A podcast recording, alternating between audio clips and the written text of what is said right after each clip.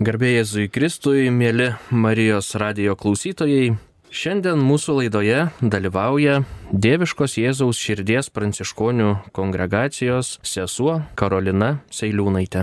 Garbėjai Jėzui Kristui. Per amžius amen. Taigi nieko nelaukime, pereikime prie mūsų pokalbio. Šiandien bažnyčioje švenčiama porciunkulė. Ką reiškia šis įdomus pavadinimas? Rūpiučio antrą dieną viso pasaulio pranciškonių bažnyčiose, taip pat vienoje svarbiausių bažnyčių Asyžiaus angelų karalienės bazilikoje švenčiama atleidimo šventė, dar vadinama Asyžiaus malonė ir paprastai vadinama parcinkulė. Žodis porcinkulė iš italų kalbos išvertus reiškia dalelytė. Porcinkulės atlaidai ypatingi to, kad porcinkulėje prasideda rūpjūčio pirmos dienos vakare ir tęsiasi iki rūpjūčio antros dienos vakaro, bet atlaidus galima gauti taip pat ir visose parapijinėse ir pranciškonių bendruomenių bažnyčiose visame pasaulyje. O galbūt galite papasakoti, kokia yra šios bažnytėlės istorija, kaip šventasis pranciškus išprašė atlaidus iš viešpatės visiems lankantiems šią bažnytėlę. Porcinkulė tai maža koplytėlė Syžiaus miesto papėdėje, dedikuota švenčiausiai mergeliai Marijai Angelų karalieniai. Ir 1209 metais savo rankomis šią koplyčią atstatė šventasis Pranciškus. Ir 1216 metais šiai koplyčiai buvo suteikta visuotinio atlaidų privilegija. Vėliau toje vietoje, kur stovėjo Parcinkulės koplyčia, buvo pastatyta didelė Marijos angelų karalienės bazilika, apgaubinti mažąją koplyčią. Pranciškoniški šaltiniai pasakoja, kad Porcinkulės koplytėlę ketvirtame amžiuje pastatė keturi piligrimai grįžtantis iš šventosios žemės popiežiaus Liborijaus laikais ir dedikavo ją apriškimo Dievo motinai, būtent Angelų Marijai. Vėliau Porcinkulė tapo vieno benediktinų vienuolyno koplytilė, tačiau po kurio laiko buvo apleista ir apgriuvo. Po to, kai Pranciškus ją atstatė, broliai benediktinai tą mažą koplytėlę ir laukus aplink ją padovanojo Pranciškui ir jo pirmiesiems broliams. Pranciškus atlaidus gavo taip, jisai prašė popiežiaus galimybės pakeisti piligrimystę atlaidais.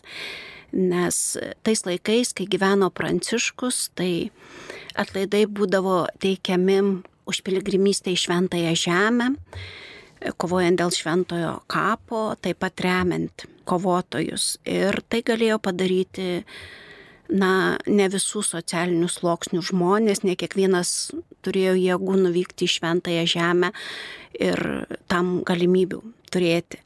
Taigi Pranciškus paprašė, kad būtų teikiama atlaidai tiesiog atėjus į tą bažnytėlę, pasimeldus, nuoširdžiai pasimeldus, atlikus išpažinti ir tuo parodė, kad atlaidai yra Dievo malonė, kad nereikia jų užsitarnauti pačiam. O pranciškoniški šaltiniai teigia, kad 2016 m. naktį tiesiog pranciškus užėjęs į bažnyčią patyrė tokį regėjimą, kad jam apsireiškė Jėzus ir jo motina Marija ir tiesiog sakė Pranciško, tu tiek daug pergyveni dėl sielų, prašyk, ko tu nori. Tada Pranciškus tiesiog nieko neprašė savo, bet paprašė, kad kiekvienas, kuris ateis į tą bažnyčią, ir pasimels galėtų gauti visuotinius atlaidus. Ir pasak pasakojimo, Jėzus paprašė, sutiko su tuo ir paprašė, kad jisai nueitų ir tiesiog paprašytų Romos vietininko, popiežiaus, kad leistų jam toje bažnytėlėje turėti atlaidus. Ir Pranciškus nuvyko pas popiežių Honorijų trečiai, kuris tomis dienomis buvo Perūčioje ir nuoširdžiai papasakojo apie jį aplankusių regėjimą. Popiežius dėmesingai jį išklausė ir tada pasakė, keliariems metams tu nori atlaidų. Ir Pranciškus toje atsiliepė, šventasis tėve, neprašau metų, bet sielų. Tada popiežius Pranciškui pasakė, štai nuo dabar skelbėme, kad kas tik ateis ir įžengs į minėtą bažnyčią, tinkamai atlikęs išpažinti ir atgailą, bus atleistas nuo kalties ir bausmės. Ir norime, kad šie atlaidai amžinai galiotų kiekvienais metais nuo pirmųjų mišparų iki kitos dienos mišparų. Ir kai laimingas Pranciškus pasuko durų link, tačiau popiežius jį pašaukė. O naivoli, kur tu eini, neturi jokio dokumento, kuris patvirtintų tos atlaidus. O Pranciškus tarė, šventasis tėve, man pakanka jūsų žodžių. Jei šie atlaidai yra Dievo darbas, jis pasirūpins, kaip jį parodyti. Man nereikia jokio dokumento. Šis raštas turėtų būti švenčiausiai mergelė Marija, notaras Kristus, o angelai liudininkai. Ir iš tikrųjų raštas patvirtinantis visuotinius porcinkulės atlaidus atsirado daug vėliau. Ir po popiežiaus suteikimo visuotiniams atlaidam Pranciškus rūpiučio antrąją dieną Umbrijos viskupams ir žmonėms susirinkusiems porcinkulę pranešė apie visuotinius atlaidus ir prašaras ištarė. Mano broliai, noriu jūs visus nusiųsti į rojų. Taip, tikrai labai įdomu klausytis jūsų ir beklausant, vat, kilo toks klausimas. Būtų įdomi vat, jūsų nuomonė, ar gali būti, tarkim, vat, Šventojo Pranciškaus istorija, vat, buvo prieš daug, daug metų, Ar gali būti, kad šiomis dienomis Žemėje vaikšto panašių žmonių į šventąjį pranciškų? Tarkime, e, galbūt žmogus jaučia, va, tikintis katalikas, kad, nu, gal jam viešpat sako taip daryti, o va, kitam žmogui iš šalies atrodo, nu ką tu čia prisigalvoji, eik geriau normalų darbą dirb. Manau, kad kiekvienas žmogus yra pakviestas, Dievas kiekvieną žmogų kviečia į šventumą. Ne? Ir turbūt ir šiais laikais yra įvairių žmonių, kuriuos Dievas kviečia vienais ar kitais būdais pasiekti šventumą. O ką daryti, va tarkim, jeigu, nu, bet netikė kiti šalia būnantys žmonės, kaip, kaip tada? Pranciškus visada rėmėsi bažnyčios autoritetų, nes jisai nieko nedarė iš savęs. Tai turbūt e, tas pats galioja ir šiems laikams, ne? Einim pas vyskupą, su juo kalbėsi ir jeigu vyskupas pritarė, ne, tai pirmin. O sakykite, kaip yra Lietuvoje, kur ir kaip galima gauti atlaidus? Na, Lietuvoje, kaip ir visame pasaulyje, kiekvienoje pranciškoniškoje bažnyčioje, visose parapinėse bažnyčiose, aišku, katedrose, pasimeldus šventojo tėvo intenciją, atsisakius bet kokios net ir mažiausios nuodėmis, ne, galima gauti visuotinius atlaidus, aišku, atlikus, būnant malonės stovėje arba atlikus išpažinti ir prieimu šventąją komuniją.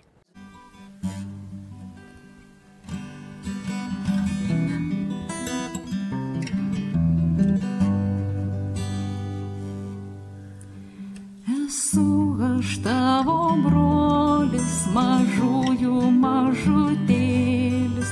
Ir aš maža jo sesi, džiaugiuos rankas iškėlus, kad žemė motinėlė gėlės mums išaugina, kad Dievas debesėlė lietutį patalpina, žemė motinėlė gėlės mums išaugina, kad Dievas debesėlį lietutį patalpina. Kas yra pranciškus, aš jo dar nepažįstu, jis buvo draugas Kristus, su juo tu nepaklysi,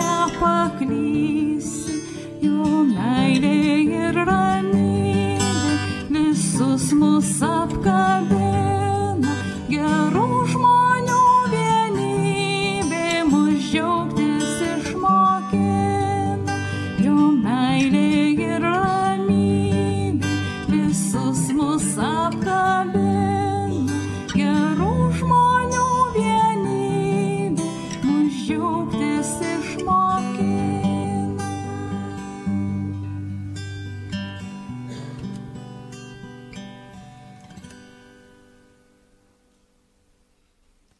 Priminkime klausytojams, kas yra atlaidai, kokia jų esmė. Atlaidai, tai atlaidos tiesiog bažnyčia sieja su, siejamas bažnyčia yra su atgailos ir sutaikinimo sakramento. Kai žmogus padaro mirtiną nuodėmę, nutrūksta ryšys su Dievu ir nutrūksta ryšys nėra kelio į amžinai gyvenimą ir atgailos sakramentas atstato tą ryšį ir tiesiog lieka tik tai laikinos bausmės už nuodėmes, kurias žmogus atlieka arba gyvendamas čia žemėje, arba skaistykloje.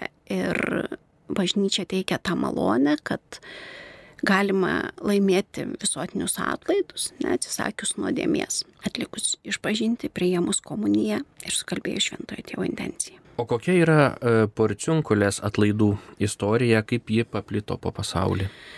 E, na, porcinkulės atlaidų istorija paplito turbūt kartu su broliais pranciškonais per jų keliones į pasaulį, per jų apaštalavimą atėjo ir į kiekvieną iš mūsų bažnyčią. Ir dar norėjau pasakyti, kad atlaidus galima gauti ne tik už save, bet ir už mūsų mirusiuosius, kadangi bažnyčiai priklauso tiek keliaujantis žemėje, tiek esantis skaistykloje, tiek šventieji danguje. Taigi, skirdami atlaidus mūsų išėjusiems broliams ir seserims, mes galim tiesiog leisti pasiekti jiems dangų. O kaip tą padaryti, jeigu žmonės, kurie jau iškeliavę? Tai tos pačios sąlygos, tos pačios sąlygos, tos pačios sąlygos ir nieko kito.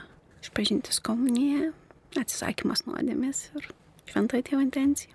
O jums, pranciškonams, kuo yra svarbi porciunkulė? Na, tai porciunkulė tai turbūt yra ir pranciškonizmo lopšys, ir pranciškonizmo širdis, nes atstatęs tą bažnytėlę, pranciškus ten apsigyveno ir pas jį atėjo pirmieji broliai. Iš ten pranciškus išgirdo turbūt ir kam jį Dievas kviečia, kad neimti nei apsiaustų, nei dviejų kurpių ir eiti į pasaulį ir skelbti Evangeliją. Tenai Klara davė, šventoji Klara davė pirmosius įžadus. Ne, broliai išėjo po du skelbti Evangelijos į pasaulį. Porcinkuliuje vykdavo palapinių kapitulos ir taip pat ten į amžinojo tėvo namus iškeliavo ir šventasis pranciškas. O kaip e, šiais laikais gyvena pranciškonai, su kokiais iššūkiais tenka susidurti? E, na, turbūt kaip ir visa bažnyčia ir kaip ir kitos bendruomenės, tai turbūt didžiausias galbūt iššūkis yra individualizmas, broliškumo stoka, vidutiniškumas, kuris galbūt pasireiškia daugiau, kad viskas gerai yra išorėje Ir taip pat e, turbūt yra labai didelis iššūkis ir tas toks per didelis apaštalavimas, ne, kad aš viską atiduodu apaštalavimui ir, na, pareinu tik tai pernakoti. tai va, tai, bet bandom kažkaip, band, nu, darome bendras kažkokias dienas bendruomenės, kad kažkaip būti daugiau kartu nes tai gal yra turbūt ir sovietinio mm, tos mm, laikmečio pasiekmė, kadangi kai seserys gyveno mažose buteliuose po vieną ir, ir buvo skelbiama, kad reikia kuo daugiau padaryti. Bet iš tikrųjų tas darimas, turbūt tas apaštalavimas turėtų išeiti iš buvimo bendruomeniai, tai kaip, aš, kaip aš Jėzų išgyvenu bendruomeniai, aš įnešu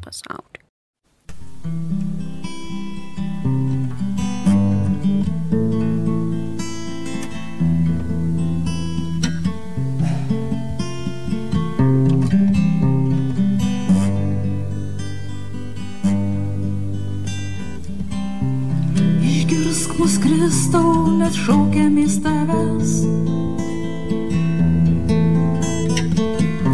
Kančio ir nuodėmių naktį paklydę. Visus kelius praėjom ir gatves. Visi džiaugsmai juose ryškėčiais žydė. Išgirs nušaukiančius karštoj maldoj. Ir nenugręžk nuo mūsų savo veido.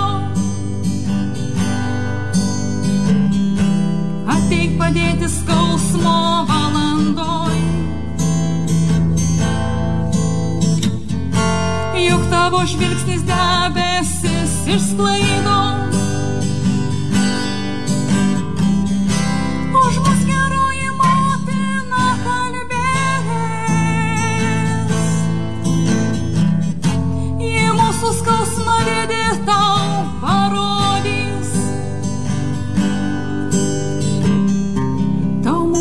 Tylios ašaros žybės.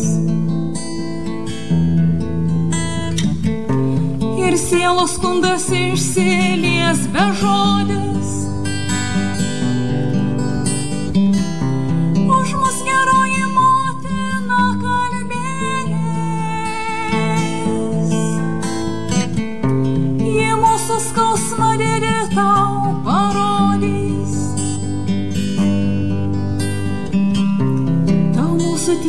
Ašaros žybės.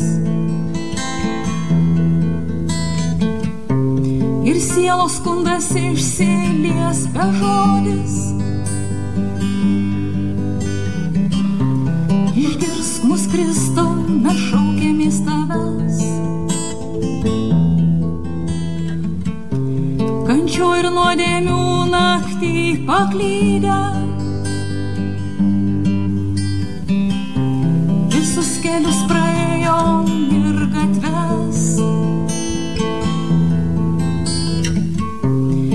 Visi džiaugsmai juose ryškėčiais žydė. Išgirsk mus šaukiančius karštoj maldoj. Ir nenugręžk nuo mūsų savo veido. Ateik padėti skausmo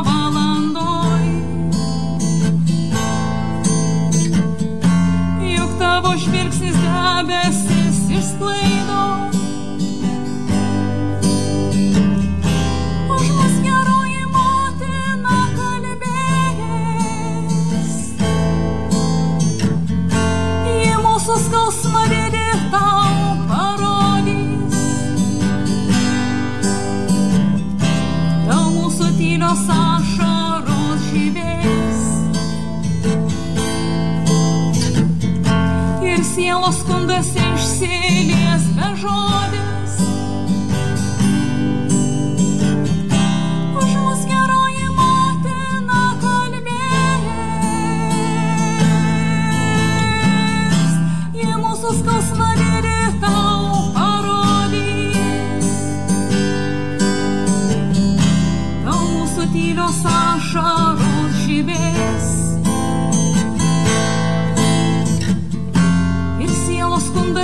Skundas išsilies be žodis.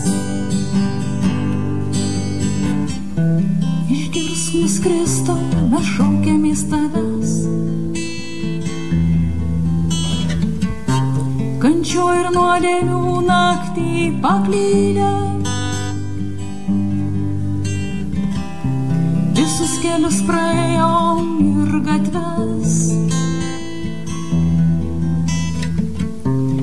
Visi džiaugsmai juose ryškėčiais žydė. Išgirsk mus šaukiančius karštoj maldoj. Ir nenugręžk nuo mūsų savo veido.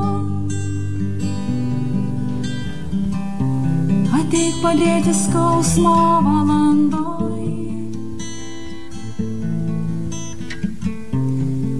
Tavo žvilgsnis debesis išsklaido.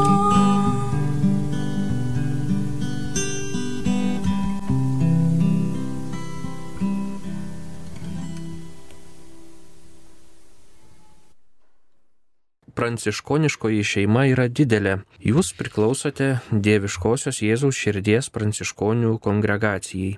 Kokios dar vienolyjos ordinai yra pranciškoniškoje šeimoje? Kuo jie skiriasi? Taigi pirmieji pranciškos pasiekėjai buvo mažesniųjų brolių ordinas.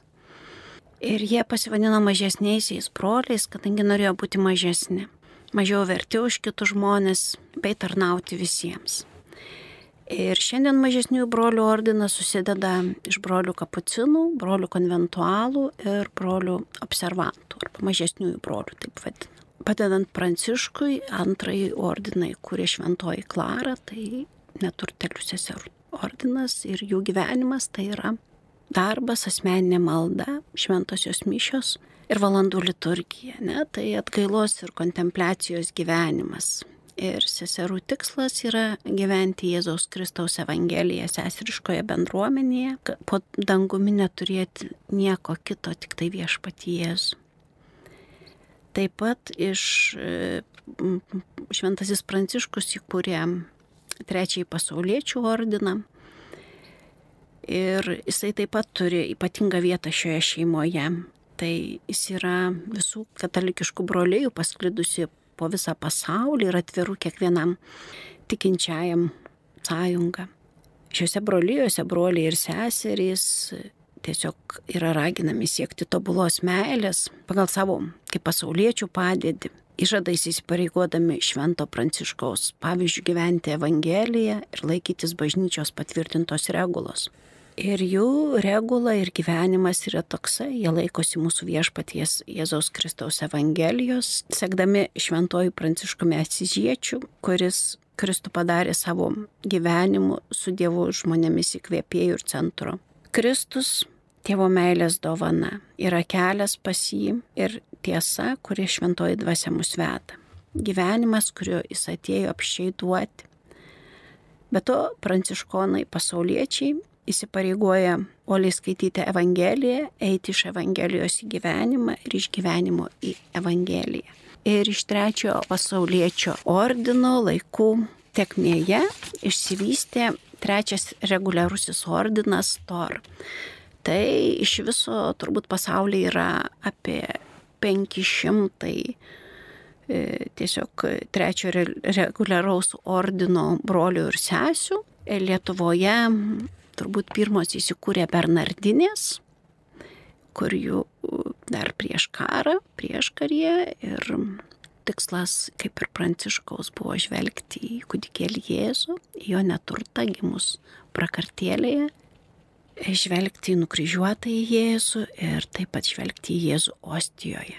Dar Lietuvoje yra Kretingoje švenčiausios širdies seserys pranciškonės misionierės, Taip pat švenčiausios mergelės Marijos nepaliaujamos pagalbos pranciškaus seserys, švenčiausios nekaltosios mergelės Marijos tarnaitės, šventos Elžbietos seserų kongregacija.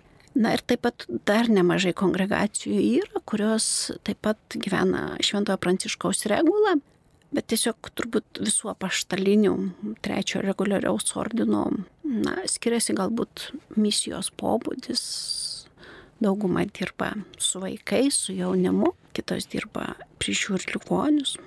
O sakykite, ko reiktų, jeigu, tarkime, aš norėčiau tapti vat, pasauliečių pranciškonu, e, ko, ko, ko reikia tam? Manau, pasaulietis pranciškonų gali tapti kiekvienas geros valios žmogus, katalikas, turintis geras intencijas, tiesiog nuėjus į brolyje, atlikus atitinkamą novicijatą, o tiesiog davus įžadus gyventi pagal Evangeliją pasaulį. Ar dar aktualus Šventojo Pranciškaus paliktas gyvenimo visiškame skurde būdas? Kaip rasti jame džiaugsmą? Pranciškus pasirinko savo sužadėtinę ponę neturtystę, žvelgdamas ir mylėdamas Jėzaus neturtą žvelgdamas Jėzų prakartėlį, kad Dievas tapo mažu, silpnu kūdikėliu, žvelgdamas į nukryžiuotą Jėzų ant kryžiaus ir žvelgdamas į Euharistiją, kur Dievas tampa duona. Turbūt tas būdas aktualus visą laiką, tik tai galbūt keičiasi jo priemonės ir gal svarbiausia yra dvasinis neturtas, dvasinė beturtystė, atsisakymas savojo aš ne, nes galbūt skiriasi priemonės, nes kas buvo prieš 800 metų daugiau, dabar paštalaujame turbūt reikalingos kitos priemonės ir jos nebūtinai turi tapti turtu. O sakykite, jeigu tarkime žmogus nori e, pasaulietis nori vat, šventai gyventi e, ir jeigu atsisako sąmoningai kažkokių e, ten turtų ar pripažinimo, ar tai taip pat yra kelias į šventumą, ar tai turi būti Dievo malonė, kad žmogus taip norėtų? Turbūt yra įvairūs atsisakymo aspektai. Ne? Jeigu, jeigu žmogus kažkuo atsisako, norėdamas pasidalinti su savo broliais, padarydamas gerą kitiems, ne? na tai turbūt tai bus kelias į šventumą, bet jeigu žmogus kažkuo atsisako vien tam, kad kiti pamatytų tai, tai, ką žinai. Aš čia šiek tiek iš savo patirties klausiu, nes taip pat labai žavėdavausi šventųjų gyvenimais ir, vat, kaip sako, kad stengtis būti šventu. Ir, ir, ir aš tikrai vat, asmeniškai būdavo, kad atsisakydavau kažkokių, kažkokių naujų daiktų, bet, bet vis tiek nėra taip paprasta, kai matai, kad kitas žmogus vat, gyvena oriai, ten turi darbą, įsigyja daiktų e, reikalingų Nors aišku, man asmeniškai būna pagunda, vat, naujesnį kažkokį telefoną turėti, naujesnį automobilį turėti. Čia galbūt reikia šitoje vietoje prašyti Dievo malonės, kad atskirti, kada tas šventumas būna, o kada iš mano susigalvojimo kažkoks. Na, turbūt, kad reiktų Dievo malonės, nes, na, jeigu tas daiktas turbūt tarnauja kitiems ir padeda tapti šventu, tai kodėlgi ne, ne, nes prisirišimas prie daikto, ne, jisai gali būti ir senas, bet aš galiu būti prie jo prisirišęs, turbūt tada galbūt sukai kitą pusę, bet turbūt yra panašiai ir su talentais. Galbūt tai irgi turtas yra ir, ir paties viešpaties dovanotas, tai e,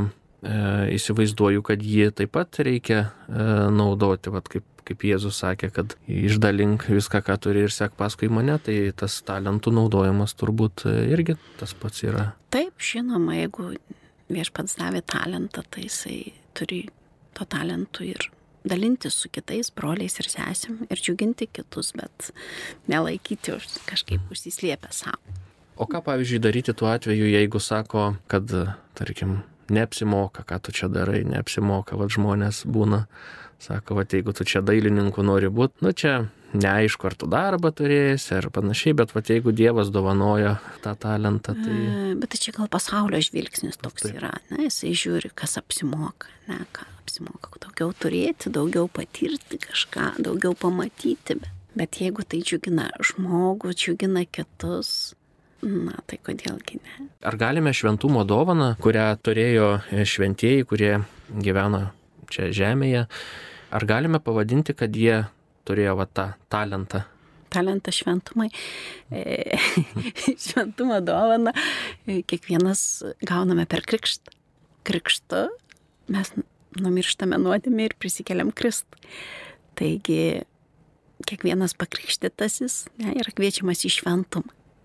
Bet būna vat, gyvenime vieni labiau į, į šventumo pusę patys tengiasi, nes tų pagundų įvairių yra. Pavyzdžiui, šventas Pranciškus iki tol irgi kitais dalykais užsiemė. Na, taip, bet tai Jėzus savo turbūt įskelbdamas Evangeliją sakė atsiverskite ir tikėkite Evangeliją.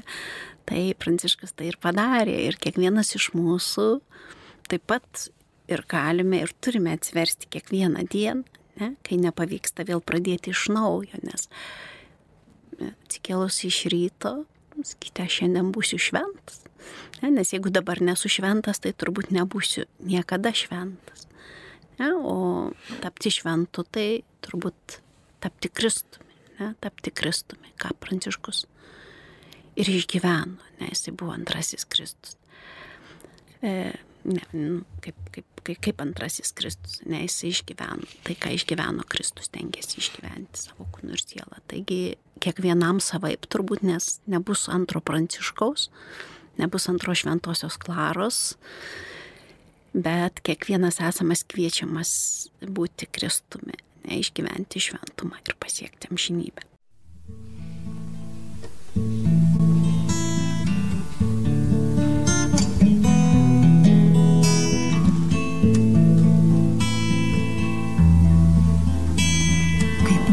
Noris pro gyvenimą praeiti ir savo mintise nubrėžti jo kreivę.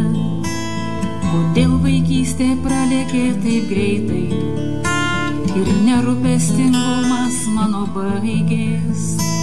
Aš stoviu šiandien ir galvoju, kaip surasti man gyvenime tą kelią, kuriuo man būtų prasmingiau nueiti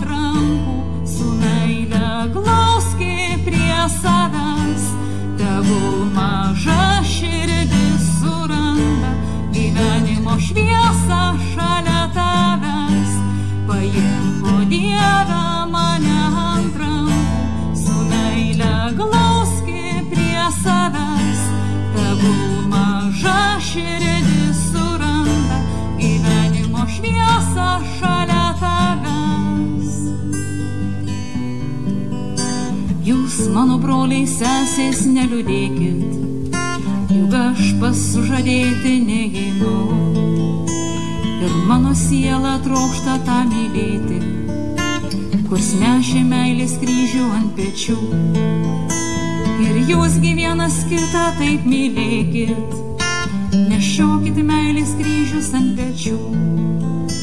O savo sesiai melskit ir linkėkit, kad neužgestų meilė tarp skausmų. O savo sesiai melskit ir linkėkit, kad neužgestų meilė tarp skausmų. Paimk, o Jėzau mane už rankos ir švęski nuostabes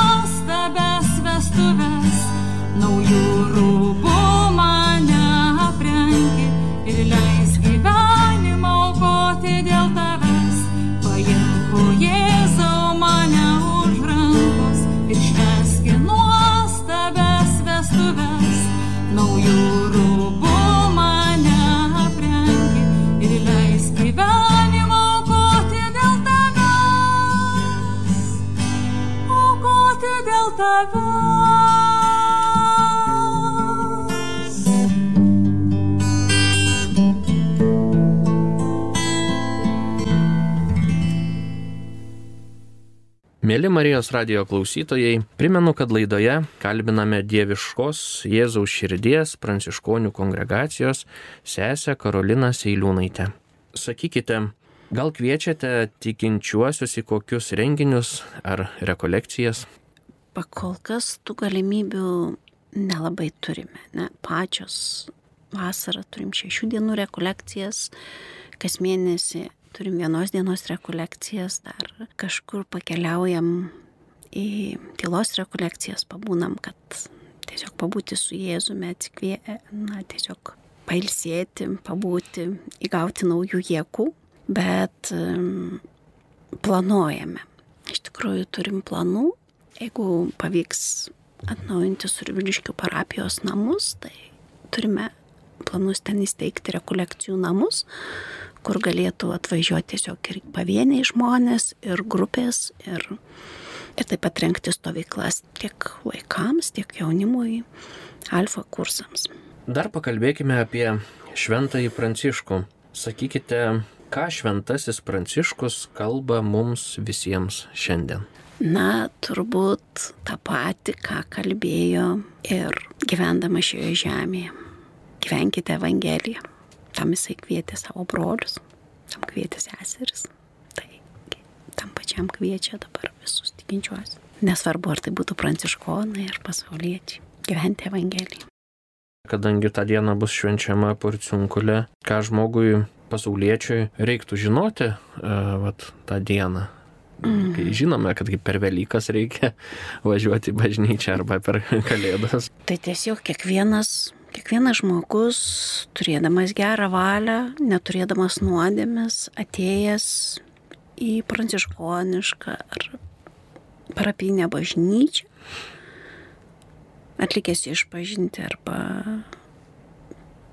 būdamas malonės stovėje priėmė šventąją komunę, gali gauti atlaidus už save arba už kitą.